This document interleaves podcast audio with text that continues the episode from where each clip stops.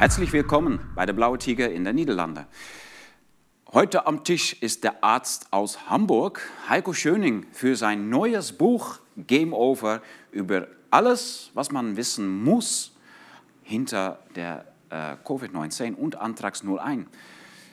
Äh, der Arzt Heiko Schöning hat, äh, sagt und beweist, prüft, dass es ein kriminelles Verbrechen dahinter steckt. Und das gehen wir heute mit euch äh, mal entdecken, wie das ist. Das Enthüllungsbuch Game Over. Herr Heiko Schöning, herzlich willkommen in unserem in unsere Studio. Es ist ein bisschen schwer auf, auf Deutsch äh, äh zu schalten, aber ich versuche das mal. Äh, vielen Dank für das, äh, dass Sie hier sind und die lange Reise gemacht haben nach Groningen in die Niederlande. Aber bevor wir anfangen mit, äh, mit die schöne Buchpräsentation von das Enthüllungsbuch Game Over, möchte ich dich herzlich gratulieren mit dieses Buch. Also, Sie sind ein sehr bekannter Name in Deutschland und äh, ich denke in die Niederlande auch schon wie Sucharit Bhakti und Wodak und es gibt viele deutsche bekannte Leute, der, äh, der schon äh, auch in den Niederlanden bekannt sind. Aber heute äh, seid ihr bei uns und äh, das Buch, das ist etwas Spezielles, das möchte ich gerne mal einleiten. Ähm, viele Leute haben seit der Corona-Krise schon von Anfang ab oder in die ersten Monate schon die Frage im Kopf, was passiert na, wirklich, was, was ist wirklich, äh, äh, was passiert da wirklich? Und die Frage ist noch niemals wirklich auch beantwortet. Und das Gleiche war auch mit den Impfungen. Ähm, ja, was wirklich da hinten steckt, hinten die ganze Geschichte der, äh, der äh, Corona-Virus und auch hinten den Impfung. Und eigentlich ist dieses Buch eine erste große Antwort darauf, auf die Frage. So möchte ich das, so möchte ich das sagen. Wirst du das ja, auch sagen? Vielen, vielen ja. Dank. Ja. ja. Ähm, in der Tat. Also ich bin ja Arzt mhm. und wie bin ich dazu gekommen, dieses Buch zu schreiben? Auch über Covid-19 mhm. und Antrax 01. Also das ist die, Game Over heißt, es, heißt das Buch, ein englischer Titel. Mhm. Im, Im, Deutschen, das Spiel ist aus. Ja. Für, Band 1 auch noch. Für Covid-19 und ja. Antrax 01. Ja. ja. Also es ist ein Enthüllungsbuch, wie du äh, selber das gerne äh, sagen möchtest. Ähm, und Game Over, das geht über die, das, es ist das Resultat von einer langen Studie, glaube ich.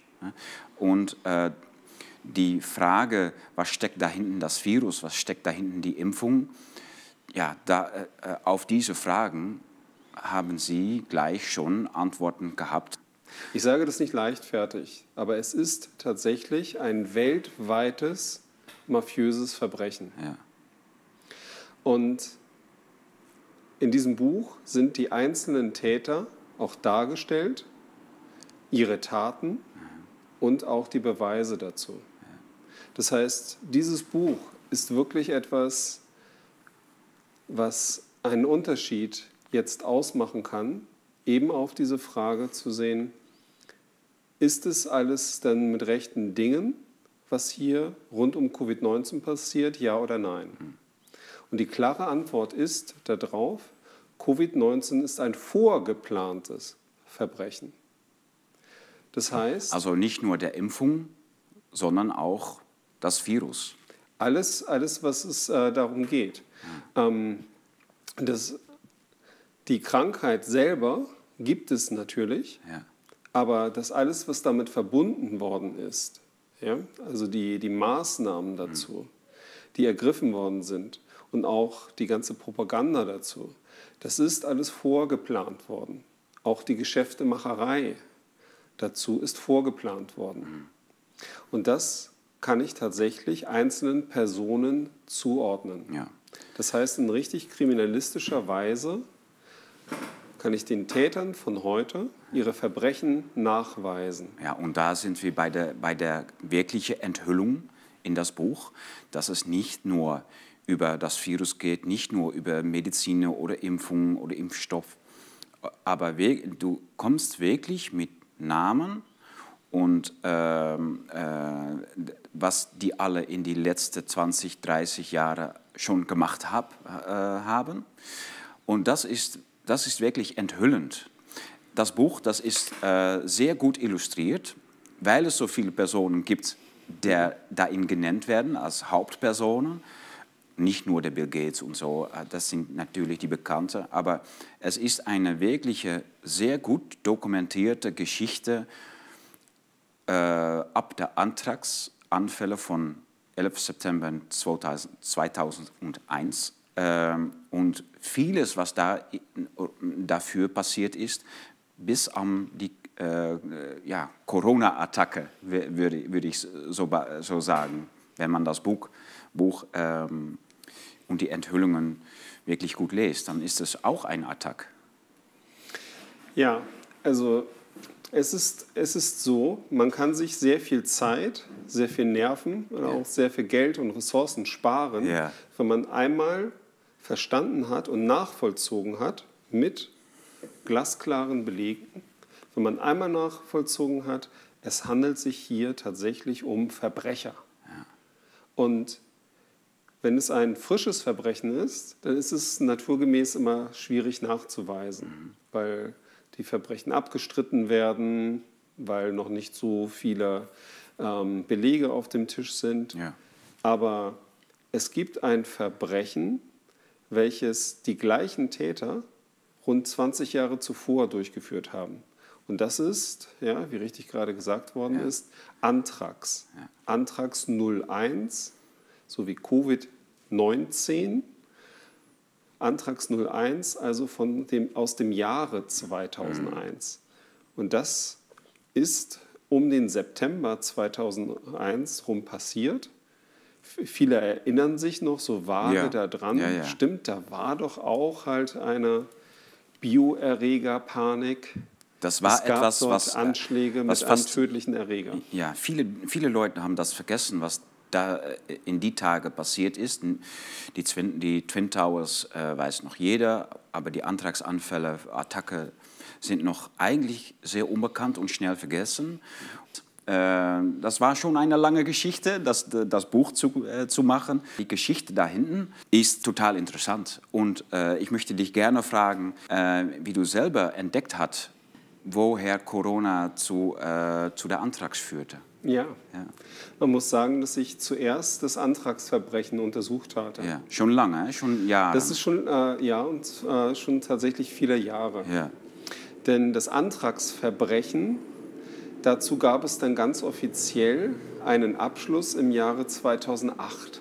Im Jahre 2008 hat das FBI, also die Bundespolizei der USA, gesagt, wir haben jetzt den Täter, und es ist keine Tätergruppe, sondern es ist ein Einzeltäter. Eine Person. Ja, eine, ja. eine Person. Und mhm. sein Name ist Dr. Bruce Ivans. In dem Buch sind diese Personen auch abgebildet, auch als Spielkarten dazu, damit man sich das ein bisschen besser einprägen kann. Mhm. Also im Jahre 2001 hat das FBI gesagt, äh, ähm, oder im 2008 hat das FBI gesagt, der Täter von Anthrax 2001 ist Dr. Bruce Ivans. Mhm. Das ist dieser Mann. Der Sündenbock. Der Sündenbock, genau. War er das? War er überhaupt, hatte er etwas damit zu tun, oder? Ja, er hatte etwas damit zu tun. Mhm. Und zwar hat er von dem, aus dem Jahre 2000 bis 2002 für die Firma Emergent Biosolutions zu der Zeit Bioport genannt, yeah. gearbeitet. Yeah. Er war also ein direkter Mitarbeiter der Firma Bioport Emergent Biosolutions. Aha. Und das war die Firma, die das Monopol auf den Antragsimpfstoff gehabt hat. Antragsimpfstoff. Genau. Aha. Das heißt also, es gab, seine ein, Firma, es gab einen Impfstoff dagegen. Ja, seine Firma hatte also das Gegenmittel zu Anthrax. Ja als Impfstoff. Ja. Also so ähnlich, wie man sich heute das vorstellen könnte, ja. dass es jetzt ein, nur einen einzigen Corona-Hersteller gibt, ja.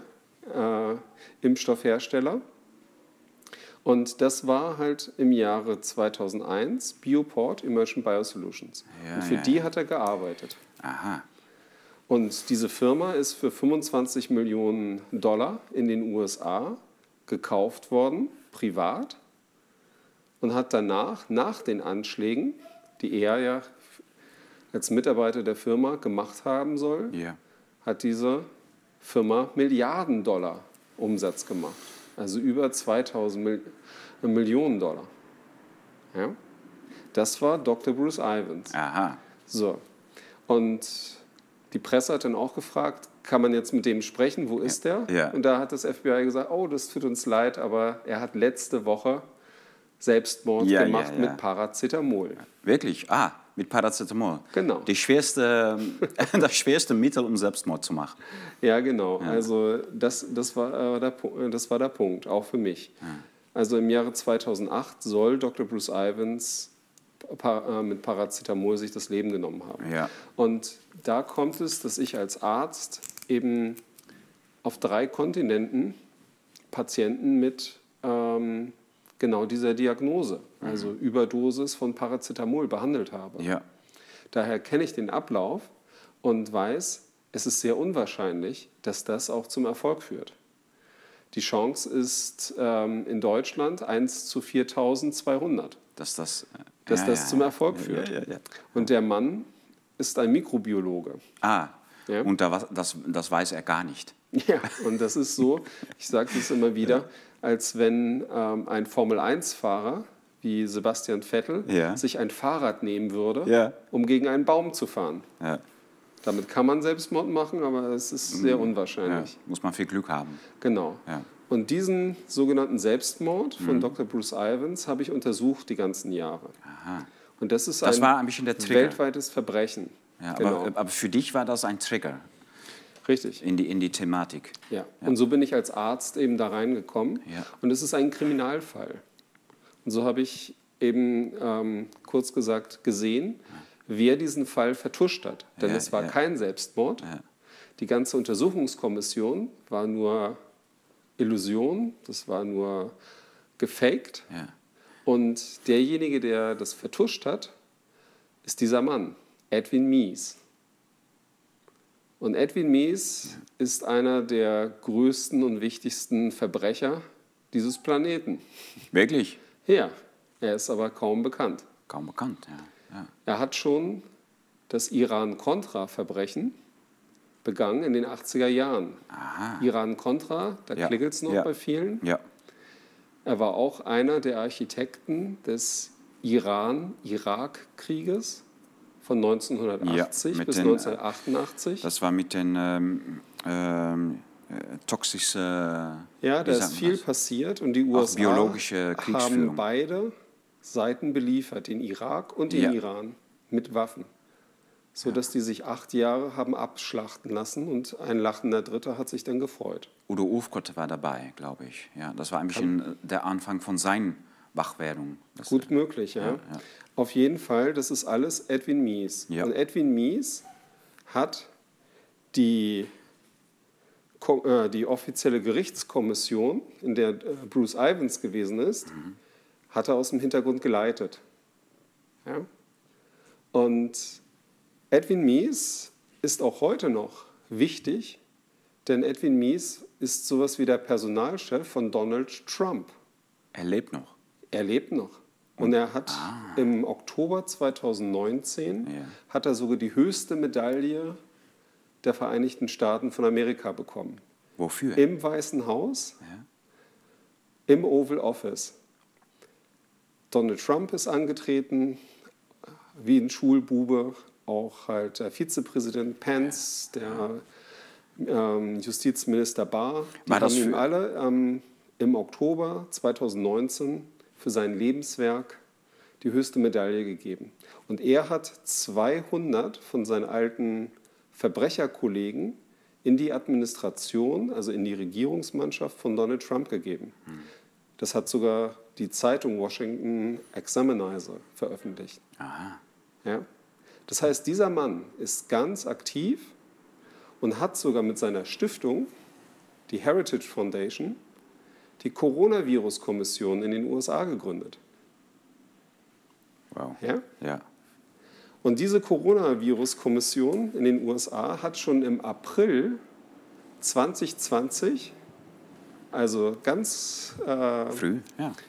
nicht mal einen Monat nachdem die Pandemie ausgerufen worden ist, haben die schon einen Plan herausgegeben und dann ein 70-seitiges äh, Dokument ja. und haben schon gesagt, wie das mit Corona zu laufen hat.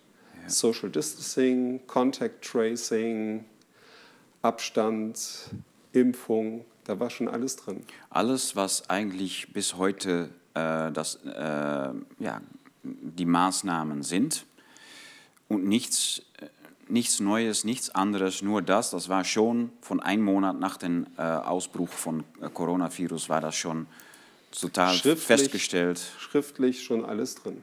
Okay. Und das, das sind, das ist dieser, äh, dieser Verbrecher, Ja. Edwin Mies, Edwin mit der Mies. Heritage Foundation Ja. und der Coronavirus-Kommission. Das ist super schön, dass du ein Kartenspiel hast von, das, von die äh, Verbrecher in das Buch. Und das sind auch die gleichen Illustrationen, wie das in das Buch äh, gibt. Aber das, das ist super toll eigentlich. Ja. Also das ist ein Kartenspiel der Hauptpersonen von das große Corona-Verbrechen. Ganz genau. Und da kann man, es geht ja darum, dass man sich die Menschen einmal vorstellen muss. Ja. Ja? Ja. Dass man wirklich sagt, wer war das eigentlich? Wer hat eigentlich hier diese ganzen Sachen getan? Mhm. Also, wenn ich hier gerade Bill Barr erwähnt habe, Justizminister der Vereinigten Staaten Okay.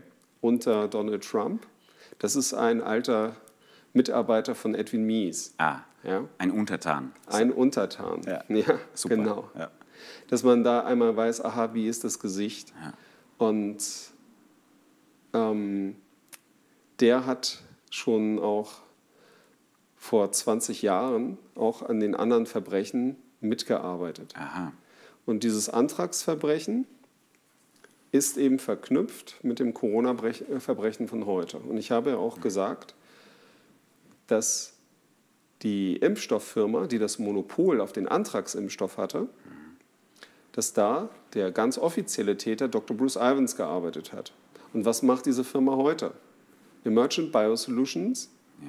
stellt den Corona-Impfstoff her für AstraZeneca, Ja. Johnson Johnson, Ja. Novavax und einige andere. Novavax auch. Ja, ganz genau, Novavax auch. Weil das ist ein klassisches äh, Impfstoff.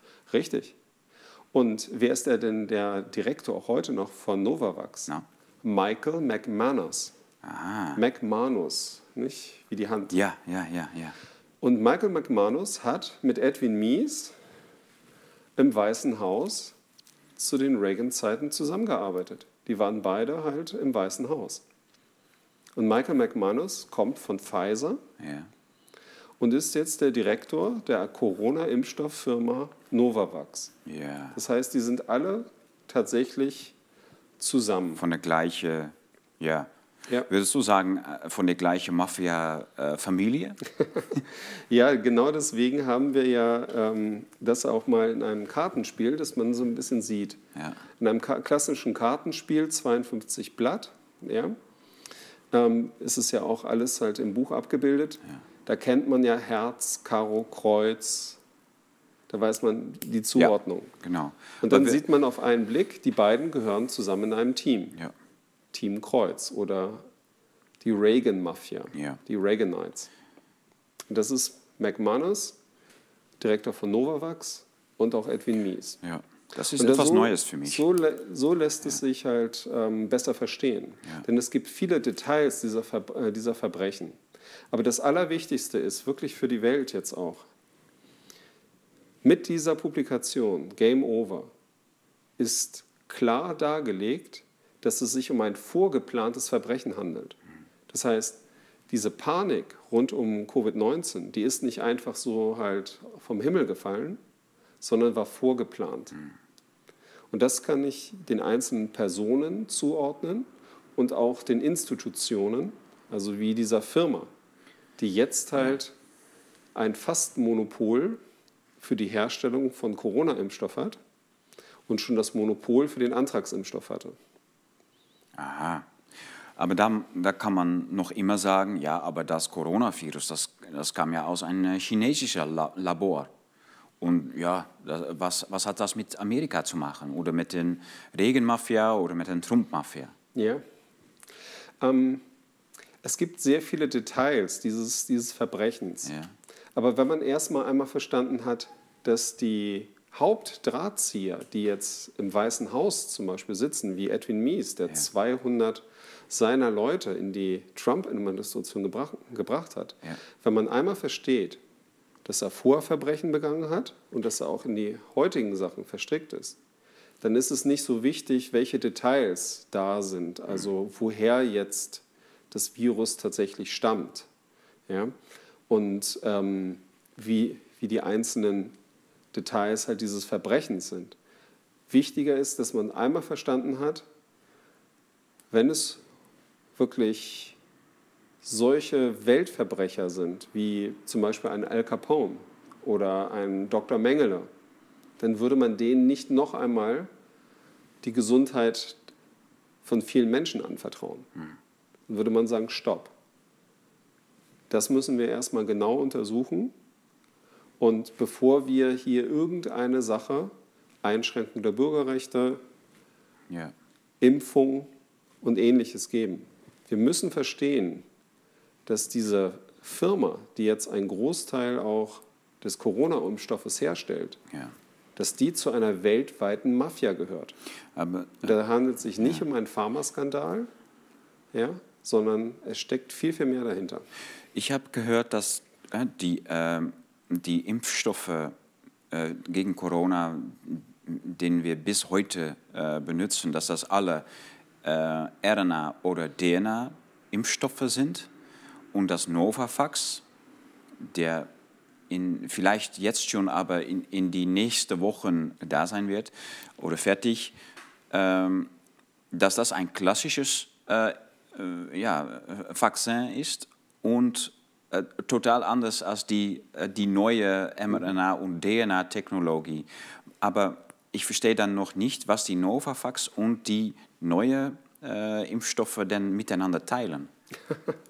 ähm, und da sage ich nochmal, ähm, das ist gar nicht so wichtig. Okay. Wenn wir wissen, es stehen Verbrecher yeah. vor meiner Tür, yeah. die, ver äh, die, bedrohen mich yeah. mit Waffen und auch meine Kinder, meine Eltern. Ja?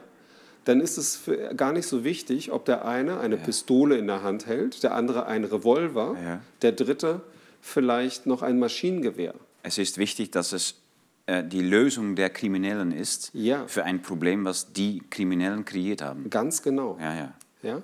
ja. Das muss ich einmal verstehen. Okay. Deswegen noch einmal, es ist ganz wichtig zu verstehen, es handelt sich hier um Verbrecher. Mhm.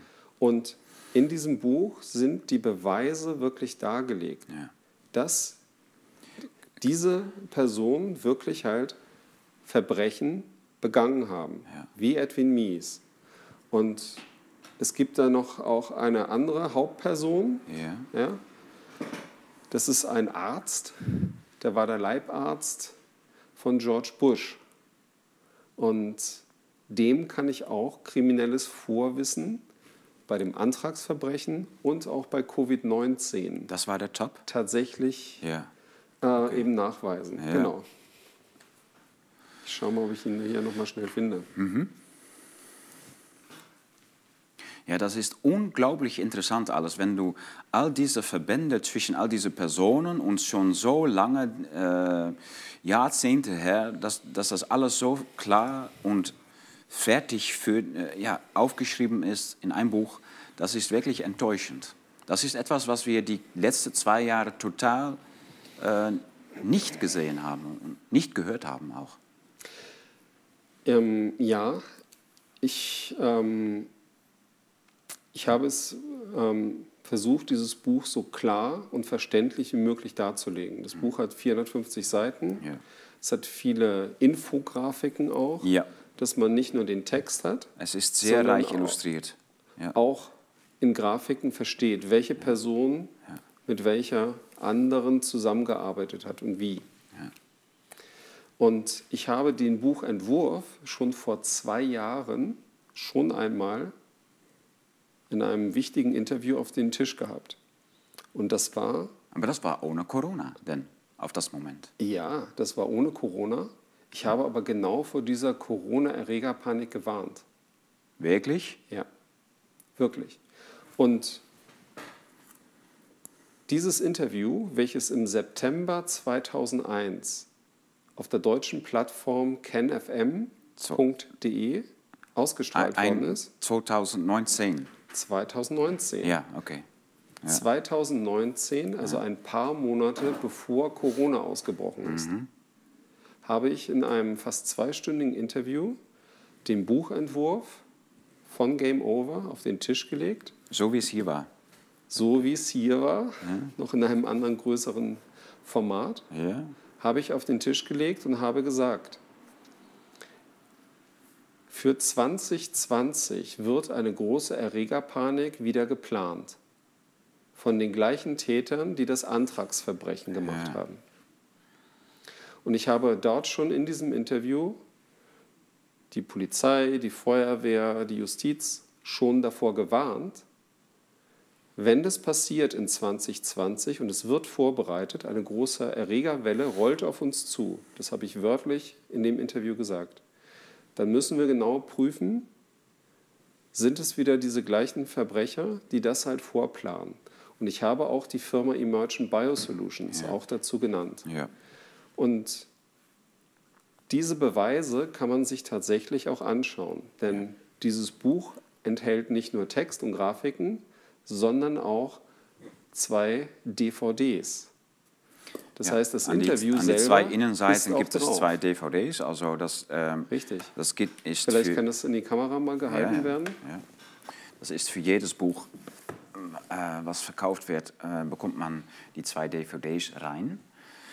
Und ähm, Da ist dieses Interview nämlich genau drin. da, da ist das Interview mit Ken Jebsen Ja. drin, was äh, aufgenommen ist in äh, September z- 2019. Ja, ich muss Ja. präzisieren.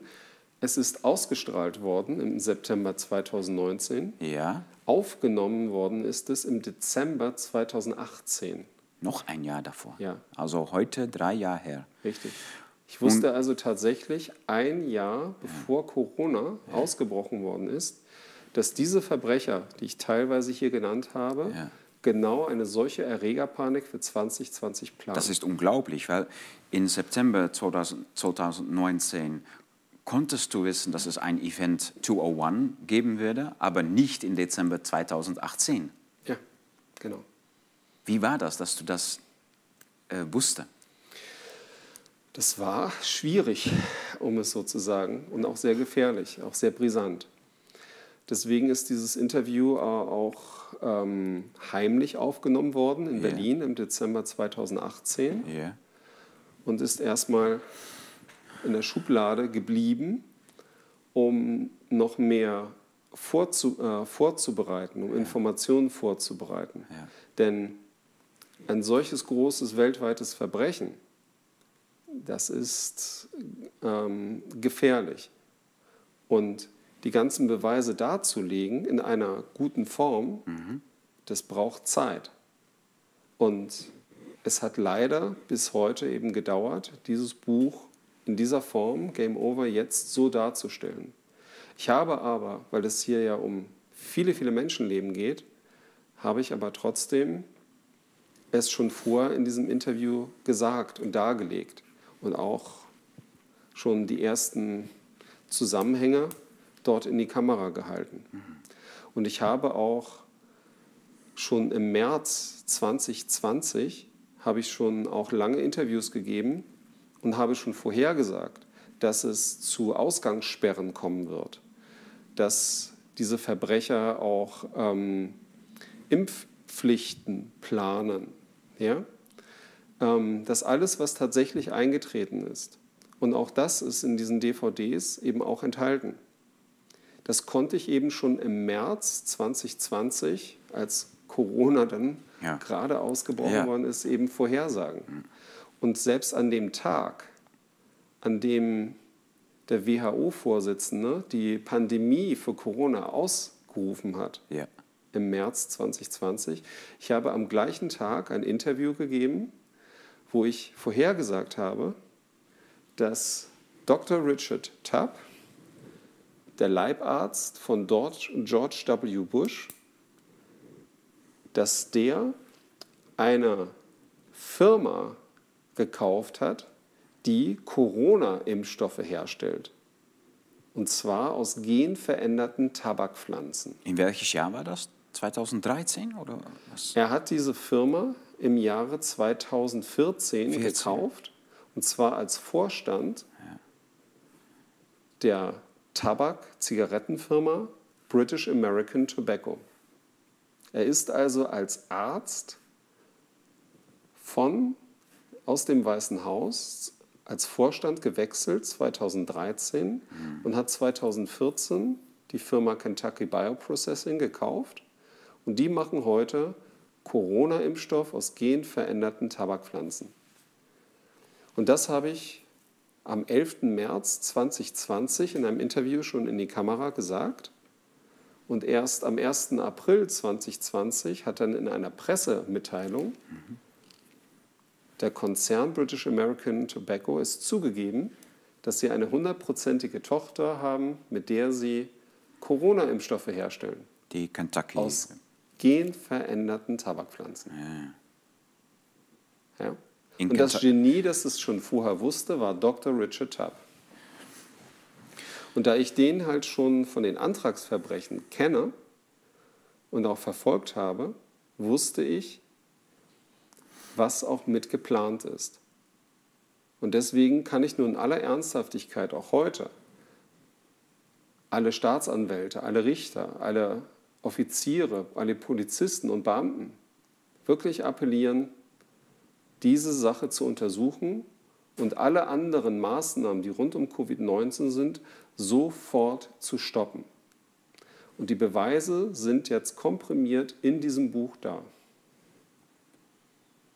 Und wir können es an einzelnen Personen direkt nachweisen, dass sich es dort um kriminelles Vorwissen handelt.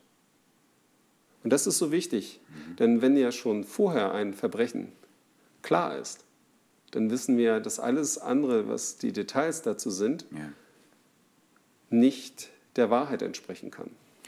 Kannst du vielleicht ein, ein ähm, Beispiel geben von, äh, von so einem Beweis, was du, äh, das Buch steht voll mit Fakten und Beweisen, aber kannst du so, so ein Beispiel geben davon? Ja, ähm, bleiben wir, um es nicht zu kompliziert zu machen, bleiben wir bei Dr. Richard Tubb. Mhm. Was hat er im äh, 2001 dann mit Antrax zu tun gehabt? Dr. Richard Tubb hat, und das ist in seiner eigenen Aussage ähm, gedruckt worden, er hat das Gegenmittel zu Antrax am Tag des Septembers 2001 George Bush und der gesamten Regierungsmannschaft ja. im Flugzeug Air Force One gegeben. Also er hat das Antibiotikum Ciprofloxacin gegen. Anthrax gegeben. Und das ist in einem äh, Zeitungsartikel ähm, im Magazin Politico tatsächlich abgedruckt worden. Ah, ah. Weil es durchgesickert war, hat man es versucht, ja, dann erzählen wir die Story selber, ja, ja, ja. aber machen den Zusammenhang nicht. Also dort in dem Magazin Politico ist beschrieben, wie Dr. Richard Tubb am 11. September von Flugzeugsitz zu Flugzeugsitz gegangen ist und hat gesagt, hey, kennen Sie Cipro? Nein, das ist gegen Anthrax. Das müssen Sie jetzt nehmen, denn wir wissen nicht, was in der Schule in Florida ja. drin gewesen ist. Aha. Und im Falle, dass es Anthrax ist, ja, müssen Sie jetzt Cipro nehmen. Und die Cipro, das war etwas ganz Neues?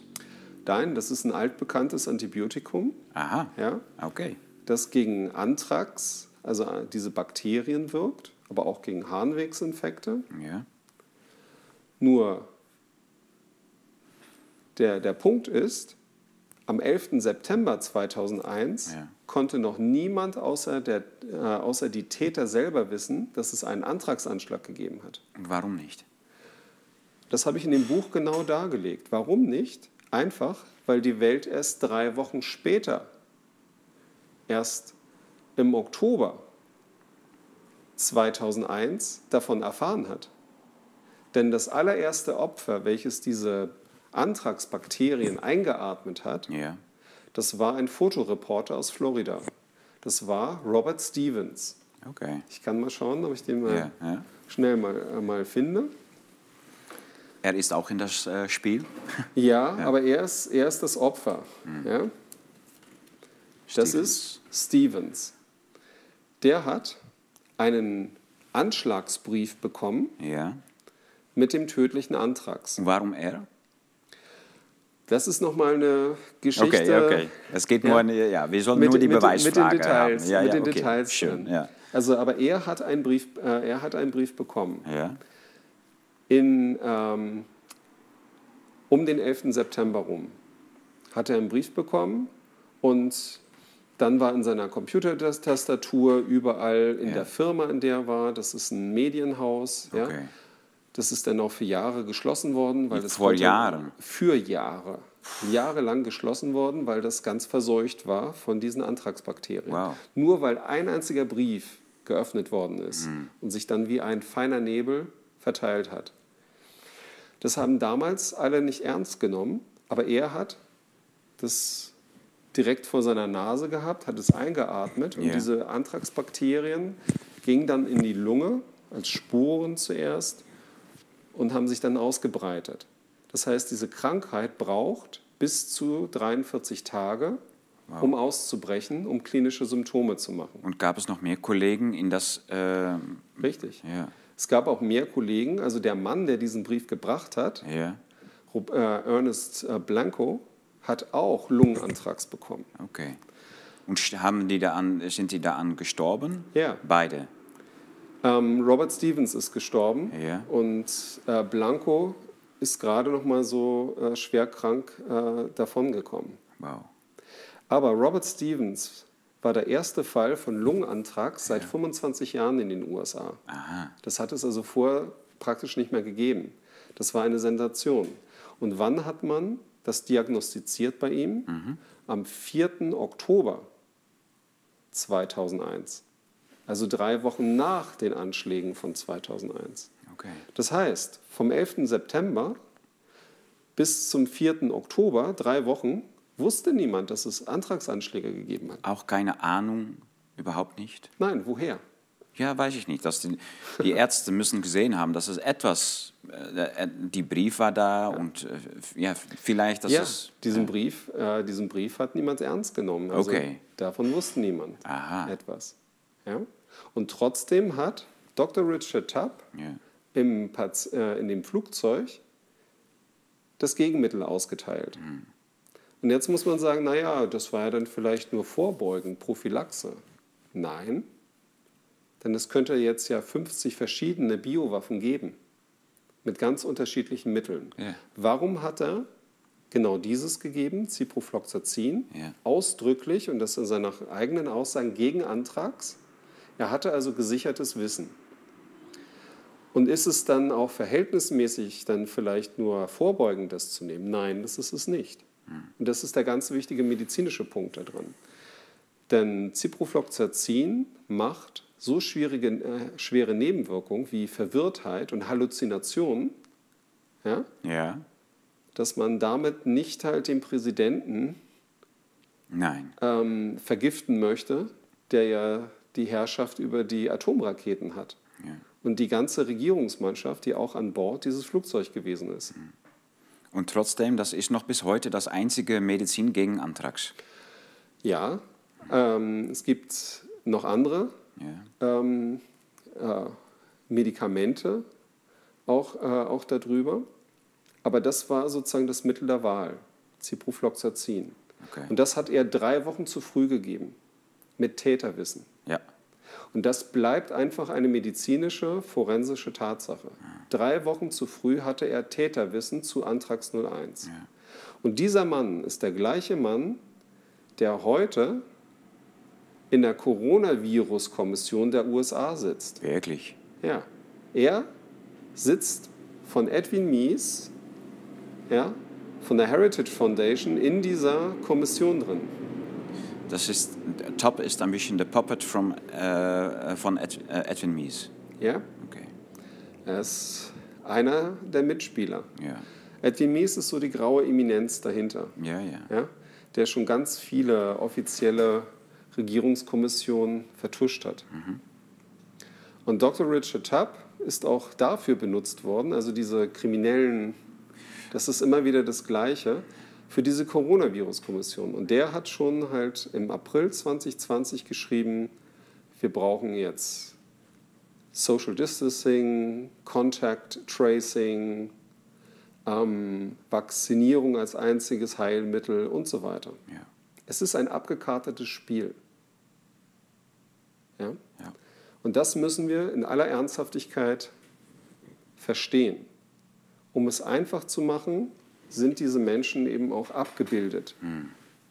Denn diese weltweite Mafia, dieses vorgeplante Verbrechen, das sind nur ein paar wenige. Es ist wirklich eine kleine Gruppe, der das alles geplant hat. Ab, Ja, durchaus. Wir können es einer, einer relativ kleinen Gruppe zuführen.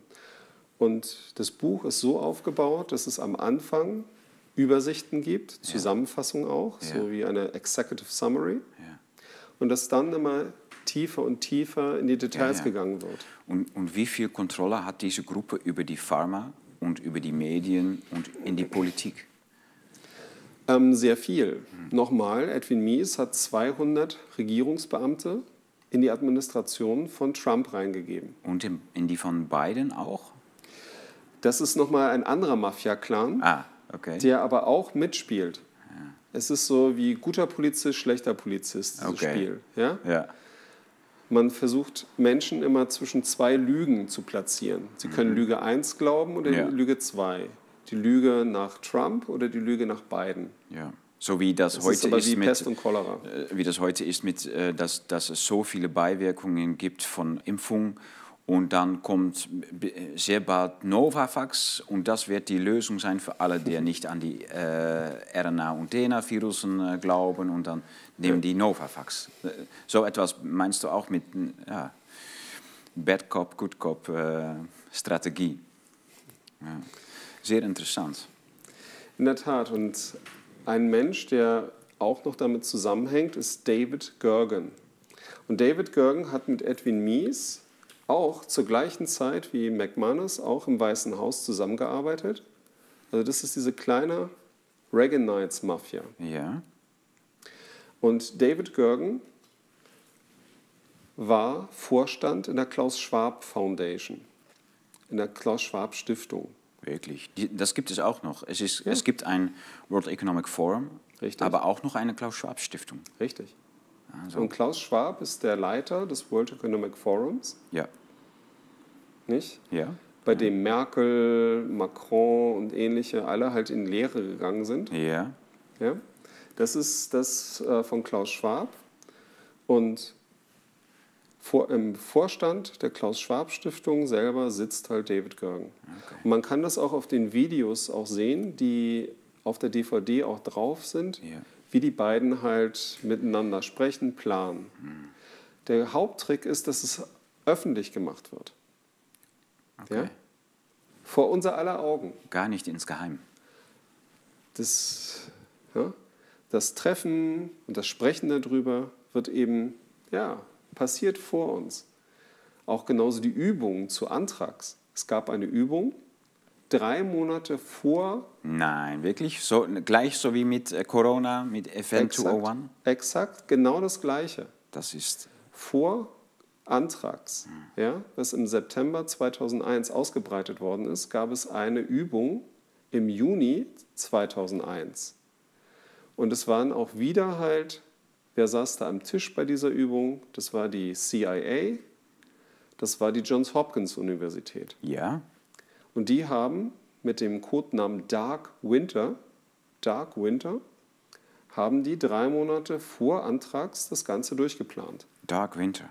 Und wie schon richtig erwähnt, das ist das gleiche Muster wie die Übung zum Coronavirus. Event 201. Und wieder am Tisch saß die CIA mit Avril Haines und auch die Johns Hopkins Universität. Und das war sogar der gleiche Mann, Thomas Ingleby. Okay. Und auch drei Monate vorher mit Event 201 ist schon ganz viel von diesem Coronavirus Narrativ yeah. eben schon vorher ausgegeben worden. Das heißt, diese Gleichschaltung, die wir auch weltweit sehen, funktioniert eben so halböffentlich. Und was hat der Universität äh, Johns Hopkins äh, damit zu machen eigentlich? Das, mhm. es, ja. ja, auch das wird im Buch erklärt, dass man versteht, woher kommen denn unsere Daten eigentlich? Okay. Ja? Und in Deutschland, das haben viele mitbekommen, haben die Tagesschau, die Tagesthemen immer die Daten nicht aus Deutschland berichtet, mhm. sondern aus den USA okay. von der Johns Hopkins Universität. Ja, ja. ja, Wahrscheinlich das Gleiche auch für die Niederlande ebenfalls. Ja, damit das alles ein, etwas Wissenschaftliches äh, genau. bekommt und dann, dann ist das. Und diese Johns Hopkins Universität, die hat dann ein großes Prestige, eine große Repu äh, Reputation, genauso wie Harvard. Harvard University, dagegen darf man ja nichts mehr sagen. Genau. Johns Hopkins Universität. Ich habe in dem Buch aber dargelegt, wie das Ganze funktioniert. Ein paar superreiche Oligarchen kaufen sich die Institute von Harvard oder von Johns Hopkins Universität. So wie Bill Gates, oder? Ja, so ähnlich wie Bill Gates halt der größte private Sponsor ja. Der Weltgesundheitsorganisation ist, ja. ist Michael Bloomberg, ja. Michael Bloomberg, hat die größte Einzelspende jemals halt an die Johns Hopkins Universität gegeben. Warum? Und zwar über eine Milliarde Dollar. Ja. John, ja, Bloomberg hat als Privatperson über eine Milliarde Dollar der Johns Hopkins Universität gehört. Ähm, und das heißt heute, und das ist wichtig, die Zahlen, die wir bekommen, die bekommen wir nicht von der Johns Hopkins Universität, sondern präzise von der Bloomberg School der Johns Hopkins Universität. Aha. Nochmal, das ja. ist die Bloomberg School, die heißt auch so. Ja. Deswegen ist es sogar öffentlich. Der hat die praktisch gekauft damit, Aber gestiftet. Das ist ein Medienmann, Michael ja, Bloomberg. Richtig, das ist ein äh, amerikanischer Milliardär. Ja. Und der hat, die, hat diese Stiftung eben äh, diese Schule an der Johns Hopkins Universität mit einer Milliarde gekauft. Und ja. wer das Geld bezahlt, ja. ja, ja. der bestellt die Musik. Ja. Und das Gleiche ist auch mit der Harvard School fürs öffentliche Gesundheitswesen passiert. Die Public School der Universität Harvard für Gesundheitswesen heißt heute Chan School of Public Health. Das hat nämlich ein anderer Oligarch, ja. ein, eine Hongkonger Familie, also die amerikanischen und die chinesischen Mafia-Familien, die spielen zusammen. Das hat die Familie Chan sich quasi gekauft. Für 350 Millionen Dollar. Sehr billig. Ja, immer noch. Fürs ja. öffentliche Gesundheitswesen ja. eine Wahnsinnssumme. Ja. Nun ja, und von dieser äh, Schule stammen dann die Experten, die wir heute im Fernsehen sehen. In Deutschland ist yeah. es Professor Tobias Kurt mm. von der Charité. Ja. Ich selber habe an der Charité in Berlin studiert. Ah. Ja? Und Professor Tobias Kurt ist auch derjenige, der diese Italien-Studie auch publiziert hat zuerst mit den Daten. Diese Nembro-Studie, ja. wo wir Bilder aus Bergamo, ja. Nembro, ja, diese Panik. Wer hat dafür die Daten hingelegt? Professor Tobias Kurt von der Chan School of Public Health, Harvard. Wer ist denn sonst noch halt hier in, ähm, in Deutschland auch tonangebend bei der ganzen Panik? Das ist der Professor Dr. Dr. Harvard Lauterbach. Karl Lauterbach. Ja. Und jetzt raten wir mal, von, dem, von wem der heute auch noch Geld bekommt. Als Professor, Gastprofessor, Karl Lauterbach. Harvard School Public Health. Tobias Kurt. Harvard School Public Health. Das heißt, es sind einfach nur gekaufte Institute. die uns das Ganze erzählen. Und die haben eben schon jahrelang vorgearbeitet und haben jetzt ihre Experten, die wir jetzt überall halt hören in den ganzen Ländern, haben die eben ausgesendet. Und wussten diese Lauterbach und Kurt äh, auch schon lange vorher, dass es etwas geplant war? Oder? Das glaube ich nicht. Nein, okay. Das glaube ich nicht. Ähm, denn dafür sind sie sozusagen zu niedrig ja. in der Hierarchie und ihre Funktion, wofür sie auch ihre Karriere bekommen haben und aufbauen, ist nur das Sprachrohr zu sein. Okay. Ja? ja. Was genau dahinter steckt, ich glaube, eine Person wie Lauterbach weiß das, weiß das nicht wirklich. Ich habe selber mit, äh, mit Lauterbach vor rund 20 Jahren halt in Berlin auf Gesundheitspanels zusammengesessen, habe ähm, dort Veranstaltungen gemacht, als er in so einer Nacht- und Nebelaktion mal zum SPD-Abgeordneten geworden ist. Ähm, also, nee, ich glaube, das weiß er nicht, aber er ist ein höriges Instrument. Ja. Und es gibt auch andere, ja, die wie halt der Professor Drosten von ja. der Charité, ja. Dessen Karriere ja auch so verlaufen ist. Der hat ja schon die ganzen falschen Daten für die Schweinegrippe in der Öffentlichkeit ja schon präsentiert. Und das war alles halt eine gefälschte Pandemie. Eigentlich hätte Drosten jetzt nicht befördert werden müssen, sondern mhm. abgeschoben werden müssen. Ja. Und er ist aber nach Berlin an die Charité befördert worden ja. und ist weiterhin das Sprachrohr. Aber äh, die Schweinegrippe, das, war das, äh, hat das gefehlt? War das, war das ein ähnlicher Versuch, etwas, so etwas wie die Corona-Pandemie zu, äh, äh, zu machen? Ja, es gibt da viele Parallelen und auch viele Tests. Man muss ja sehen, dass es ähm, schon vorher sozusagen Vorverbrechen gibt ja. und Vorstufen dazu. Also das war ein Versuch oder war das ein... ein ja, das war, da sind schon Milliarden, mhm. Milliarden Euro und Dollar sind, In da, schon, auch. sind da schon eben geflossen. Ja? ja. Und äh, auch mit dem Medikament Tamiflu, welches ich meinem eigenen Kind sogar leider damals gegeben habe, ja? weil ich nicht die Hintergründe kannte. Aha. Ja? Man hat mich auch selber halt hinters Licht geführt. Ja? Deswegen verstehe ich auch alle Kollegen, ärztliche Kollegen und auch alle rechtschaffenden Leute auch, dass sie jetzt erstmal denken, Moment mal, stimmt es wirklich, wo sind die, die Beweise? Und die Beweise sind jetzt in diesem Buch Game Over und auch in den DVDs drin. Und damals zur, äh, zur Schweinegrippe, Vogelgrippe, ja, da wusste ich das auch noch nicht. Mhm. Da habe ich meinem eigenen Kind sogar Tamiflu gegeben.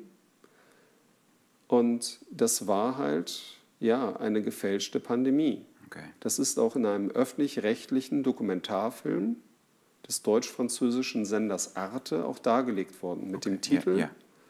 Profiteure der Angst. Deswegen für Einsteiger schauen Sie sich bitte diesen Dokumentarfilm an, Profiteure der Angst ja. von Arte. Das ist eine gute Dokumentar. Ja. Und dort wurde halt auch schon ein Impfstoff äh, herausgegeben. Und es gab einen Impfstoff fürs Volk ja. und einen Impfstoff für die Regierung und die hohen Beamten. Nein, wirklich? Ja. Das hat der Moderator Thomas Kausch, der Arte-Moderator, hat das auch angesagt. Da meinte er, da wird man doch hellhörig, wenn die Regierung sich einen anderen Impfstoff ja. spritzt als doch, die Bevölkerung. Da muss ich doch denken an die Eröffnung von einer slowenischen äh, Krankenschwester, der veröffentlicht hat, dass es verschiedene Impfungen gab gegen Corona für die Regierung und die Bevölkerung. Aber so etwas könnte das wirklich wahr sein. Das, das es ist auf jeden Fall bei der, äh, bei der Schweinegrippe so Aha. gewesen. Ja? Ja. Zu dem anderen habe ich, hab ich keine Informationen. Ich versuche immer zu sagen, ja, was nein, ich weiß ja, und was aber, ich nicht aber das, weiß. Okay. Aber dieses Muster ist tatsächlich schon vorher gelaufen. Ja. Deswegen all diese Links sind in den Quellenangaben auch drin. Es Mhm. hat über 350 Quellenangaben, ja, ähm, viele Originalabbildungen auch. Also auch zum Beispiel, wie ich ja vorhin mal den Dr. Richard Tubb erwähnt habe Ja. und auch seine Aussagen in diesem Magazin Politico. Die habe ich im Original, auch in Englisch, dort halt auch abgebildet. Dass man wirklich sehen kann, wie ist der Ja. Wortlaut. ja. Alles steht ins Buch. Ja, die wichtigen abgedrückt. Sachen sind im Original auch tatsächlich abgebildet. Mhm. Auch manchmal auch Fotos dabei und auch viele Gerichtszeichnungen.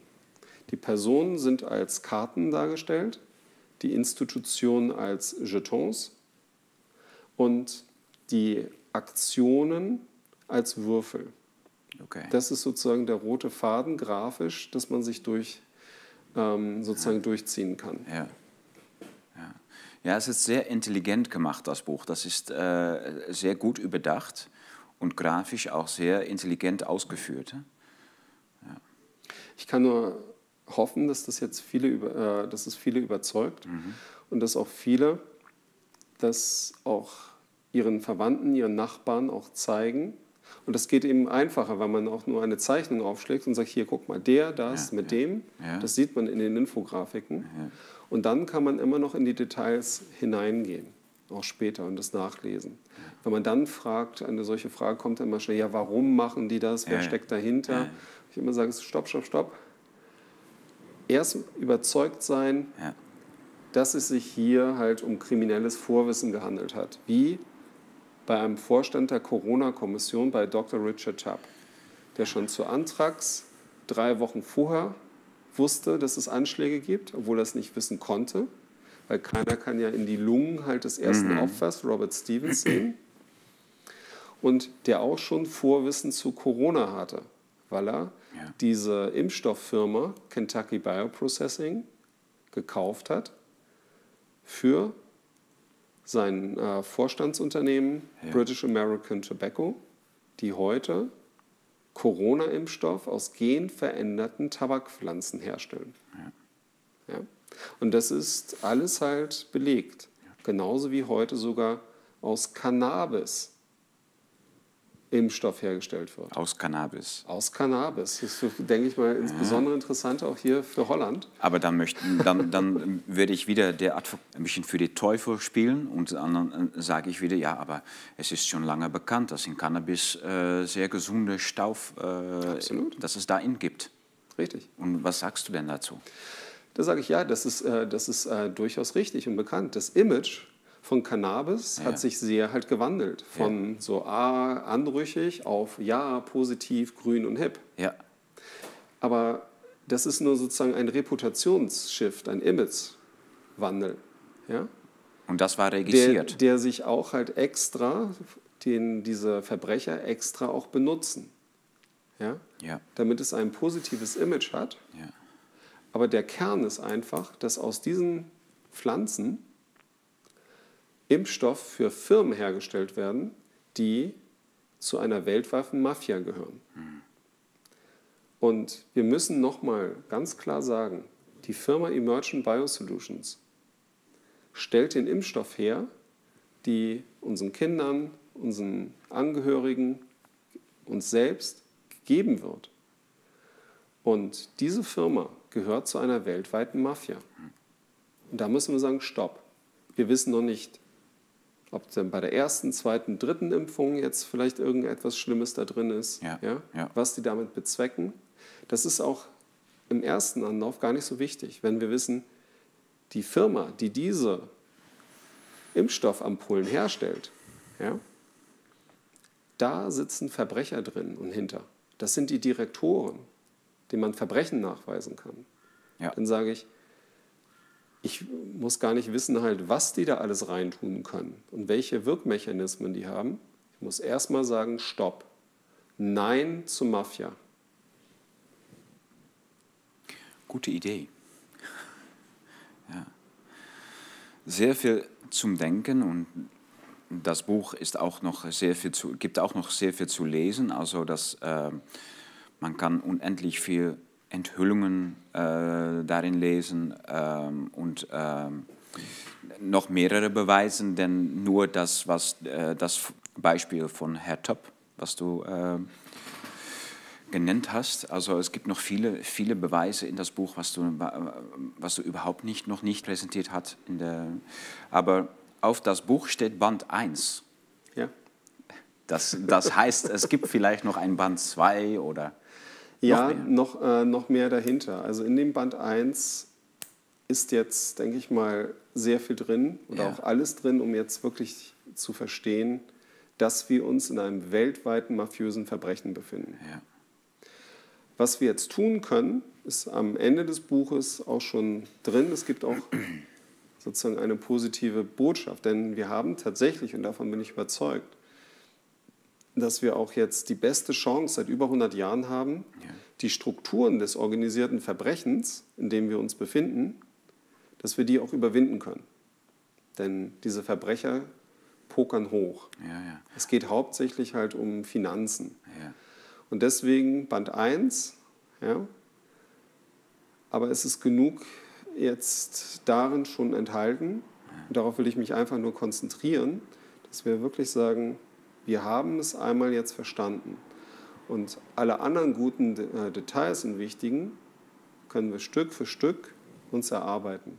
Aber jetzt erstmal müssen wir damit stoppen. Und es ist, war für mich wirklich auch nicht einfach, dieses alles halt im Vorfeld zu wissen, es versucht zu haben, es halt ja. auszubreiten. Aber ich musste auch eben erkennen, wie stark diese Medienmacht ist, wie stark diese Propaganda tatsächlich wirkt, wie auch fast 100 Jahre zuvor schon. Mhm. Und es ist erschreckend zu sehen, wie viele einfach nur nachplappern, was sie von der Harvard School fürs öffentliche Gesundheitswesen gehört haben ja. oder was sie von der Johns Hopkins Universität gehört haben, was sie in den äh, Medienberichten gehört haben gehen Sie selber ja, allgemeinverständlich in die Details, schauen Sie sich das an. Und das eben auf Papier und auf DVDs, die man eben nicht ja. mit einem Mausklick mhm. wie auf YouTube zensieren kann. Ja? Und wie man auch jetzt nicht die ausführlichen Reden und Vorträge, die ich ja gehalten habe oder halten wollte, dass man auch dort wieder halt mit Polizeigewalt ja. die Leute vom Sprechen ja. und mich insbesondere halt versucht halt abzuhalten. Aber ich kann nur sagen, ich bin als Arzt nochmal dazugekommen. Ich habe meinen ungewöhnlichen Selbstmord von Dr. Ähm, Bruce Ivans untersucht, bin so auf diese Täter gekommen, konnte eben vorhersagen, dass das passiert. Aber wir müssen noch viel stärker und auch gemeinsam stärker werden, um diesem Verbrechen und deren jahrzehntelangen Strukturen entgegenzuwirken. Ja. Es braucht also jetzt wirklich die Zusammenarbeit aller gesellschaftlichen Kräfte. Aber der erste Schritt, dass, dass wir sehen können, mit wem wir äh, zu tun haben, das ist eigentlich das Wichtigste. Ich denke schon. Ja. Und das ist das Wichtigste nochmal. Wir haben es mit organisierten Verbrechen zu tun. Alle Details mit Quellenangaben, mit Originalbeweisen sind dort enthalten. Ja. Ja? ja? Und man kann sich ganz vieles andere, viel Leid ersparen. Mhm. Ja? Und auch diesen ganzen Verzicht auf Freude, wie jetzt auch zu Weihnachten. Ja. ja. Wie schön ist es doch eigentlich, mit Menschen zusammenzukommen, zu feiern, gemeinsam da zu sein. Ja. ja. Wir sind eine Menschheitsfamilie. Ja. Es geht nicht um rechts oder links ja, und äh, oben oder unten, Mann oder Frau, dick und dünn. Nein, es geht darum, dass wir uns gemeinsam das Leben einfacher machen, dass wir mhm. zusammenarbeiten ja? und dass wir denen, die uns was wegnehmen wollen, ja, dass wir da sagen wollen, nein, wir spielen nicht mehr mit, wir kaufen nicht mehr bei euch, wir arbeiten nicht mehr fürs organisierte Verbrechen, wir machen unsere eigenen Strukturen. Ja, ja super. Herr Schöning, vielen Dank. Äh, vielen Dank, dass, dass, Sie hier, dass du hier an am Tisch ähm, gewesen bist und dass du die lange Reise nach Holland gemacht hast. Ähm, vielen Dank für das Buch, was du eigentlich ja, die, die Welt geschenkt hat und äh, dass wir das alles verstehen können, was passiert, dass die Frage, der immer bei uns im Kopf war, von ja, was passiert jetzt wirklich, was ist das alles, was wir nicht sehen können, was, was, was passiert da? Dass wir das, können, äh, dass wir das lesen können in deines Buch, in das super äh, schöne und gut illustrierte Buch Game Over über Covid-19 und Antrags 01. Äh, vielen Dank. Ja. Danke auch. Ich möchte gerne sagen, vielen Dank, äh, dass du dies alles äh, geguckt hast. Äh, das Buch kannst du kaufen in Deutschland und in Niederlande, zum Beispiel bei äh, unserem Verlag Blue Tiger Media. Dann gehst du nach bluetube.studio äh, oder nach äh, bluetiger.media ist auch möglich. Kann man das Buch kaufen? Weil ja, alles, was wir hier machen auf der, äh, in der Studio und auf der Social Media, das ist natürlich ein bisschen abhängig und das ist in der Marginalität von der Big Tech. Was auf Papier steht, bleibt immer stehen.